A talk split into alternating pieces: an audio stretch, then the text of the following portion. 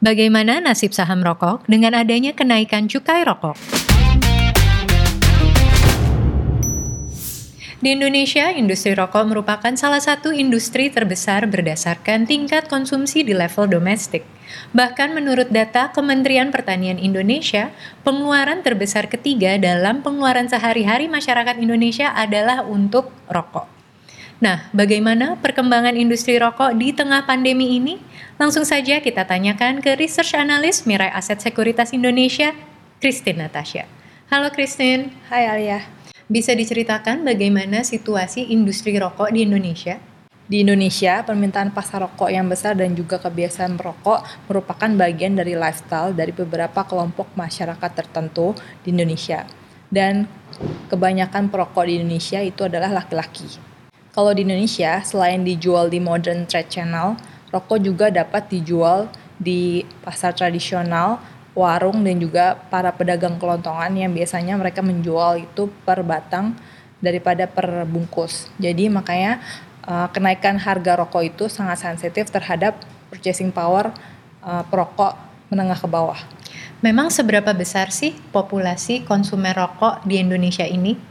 Saat ini ada 34% populasi Indonesia yang merokok dan lebih dari 90% dari perokok tersebut perokok jenis kretek, yaitu rokok yang mengandung tembakau dan juga cengkeh. Oke, jadi memang konsumer rokok di Indonesia ini suka banget rokok kretek ya? Iya, betul. Berbicara mengenai industri kretek tersebut, hand rolled cigarettes as of third quarter 2020 memegang sekitar 20,2% dari market share.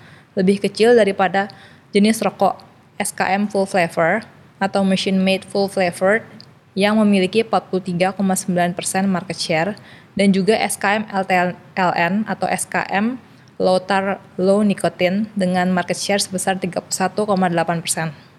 Secara total, SKM atau sigaret kretek mesin memiliki porsi market share sebesar 75,7 persen, lalu diikuti oleh hand roll atau SKT sebesar 20,2 persen, dan sisanya adalah SPM atau white cigarettes. Dengan jumlah market share yang sangat besar, bagaimana porsi perkembangan bisnis industri rokok ini? Di Indonesia ada lima pemain besar di industri rokok, yaitu yang pertama adalah HM Sampurna atau ticker code-nya itu HMSP yang dimiliki oleh Philip Morris International, dan yang kedua adalah Gudang Garam dengan ticker code GGRM, yang ketiga adalah Jarum, lalu ada British American Tobacco atau Bentol Group, dan yang kelima adalah Nojorono Tobacco Indonesia. Dengan fakta bahwa kedua pemain rokok terbesar yaitu Gudang Garam dan HMSP masuk ke dalam 20 besar largest market cap di IDX memberikan gambaran bahwa berapa besarnya itu uh, industri rokok di Indonesia. Sejak pandemi corona terjadi di Maret 2020 kemarin, banyak masyarakat yang lebih sadar pentingnya kesehatan. Nah, bagaimana dengan perkembangan industri rokok di Indonesia ini? Kalau kita flashback ke tahun lalu, pada third quarter 2020, sales volume dari industri rokok di Indonesia turun sebesar 9,4 persen secara year on year menjadi 70,2 miliar sticks tahun lalu. Kalau dibandingkan dengan second quarter 2020, sales volume dari industri rokok turun sebesar 17,5 persen secara year on year. Secara kumulatif di 9 month 2020, Industri sales volume mencapai 201,7 miliar sticks. Pemain terbesar di industri rokok yaitu HM Sampurna membukukan penurunan sales volume yang lebih besar daripada industri. Data terakhir menunjukkan bahwa HMSP membukukan sales volume yang turun sebesar minus 20,8 persen year on year di third quarter 2020 dan hanya membukukan 19,8 miliar batang di third quarter 2020 dan jika dibandingkan second quarter 2020, second quarter hanya membukukan 18 miliar batang. Dan jika dibandingkan di third quarter 2019, third quarter 2019 membukukan 25 miliar batang.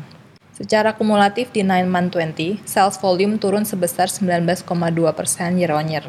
Selain dari daya beli yang melemah dari lower income population, kami percaya bahwa HMSP underperformance juga disebabkan oleh kenaikan harga jual yang lebih tinggi oleh brand-brand seperti Magnum Mild dan juga Marlboro Filterback seiring dengan uh, compliance mereka terhadap permintaan pemerintah untuk menaikkan HJE. Mengingat rokok adalah salah satu industri yang terbesar di Indonesia, adakah kebijakan ataupun stimulus dari pemerintah untuk sektor ini? Justru di tengah pandemi ini, sektor rokok mendapatkan beberapa tantangan. Yang pertama adalah kenaikan cukai rokok yang dituangkan di PMK atau Peraturan Menteri Keuangan sejak Desember 2020.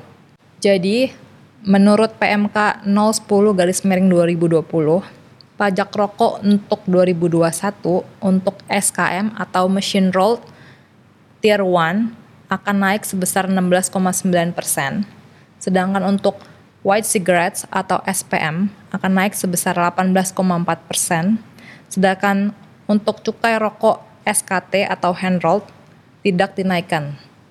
Sebagai contohnya, untuk SKM Tier 1 tahun 2021, excise tax per batang yaitu sebesar 865.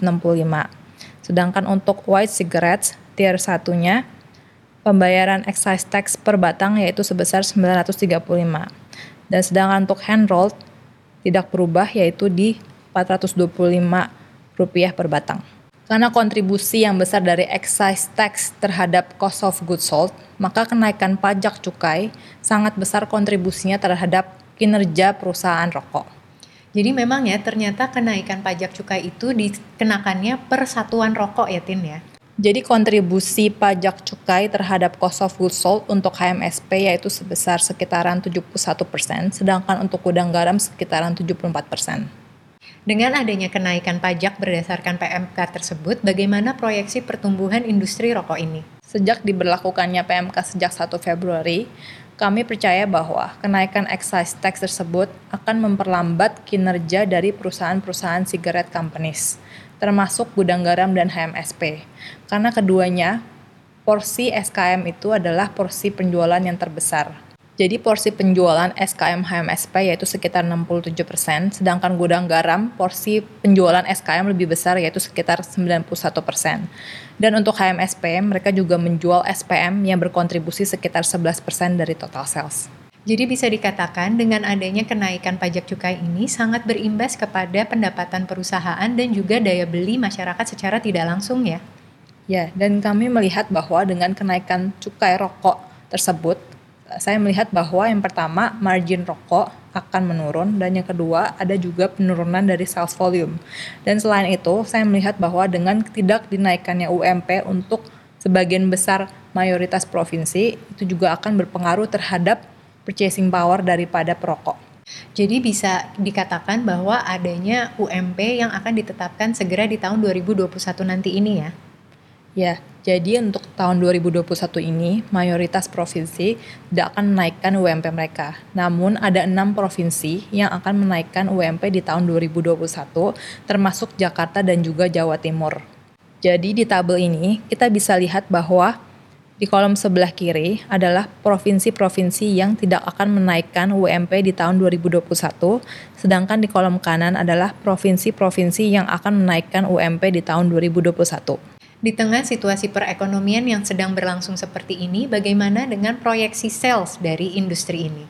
Dengan kenaikan excise tax di tengah masih lemahnya daya beli para perokok lower income population, kami memprediksi bahwa penjualan rokok di tahun ini akan menurun sebesar 3% secara year on year. Dan bagaimana hal ini mempengaruhi terhadap kinerja dari dua perusahaan rokok terbesar di Indonesia? Kalau untuk gudang garam, karena kontribusi SKM yaitu sebesar 91%, kami expect untuk SKM gudang garam akan turun sebesar 3% di tahun 2021, sedangkan untuk SKT atau hand rolled-nya mereka akan naik sebesar 3% secara year on year. Dan bagaimana dengan kondisi HMSP? Untuk HMSP, kami memproyeksikan bahwa SKT akan bertumbuh sebesar 3% secara year on year di tahun 2021, sedangkan untuk SPM akan turun sebesar 4% secara year on year, dan untuk SKM akan turun sebesar 5% secara year on year. Tadi kita berbicara tentang proyeksi. Nah, bagaimana dengan valuasi dari kedua perusahaan ini? Untuk gudang garam, saat ini gudang garam ditradingkan di 12 kali 2021 PI, sedangkan HMSP ditradingkan di sekitaran 18,2 kali 2021 PI. Berdasarkan riset dan analisa terkait pertumbuhan industri rokok di tahun 2021 ini, bagaimana dengan rekomendasinya? Dengan situasi yang challenging, dengan ekspektasi kita akan adanya perbaikan ekonomi di tahun ini, kami memiliki rekomendasi netral terhadap sektor rokok karena yang pertama, walaupun ada kenaikan excise tax di 2021, namun kenaikan ini tidak sesignifikan kenaikan di 2020. Yang kedua, cukai rokok SKT tidak akan dinaikkan di 2021. Dan yang terakhir, kami percaya bahwa earnings di 2021 akan datang dari low base di 2020. Baik, Christine, terima kasih atas analisanya. Sama-sama, Alia. Happy cuan!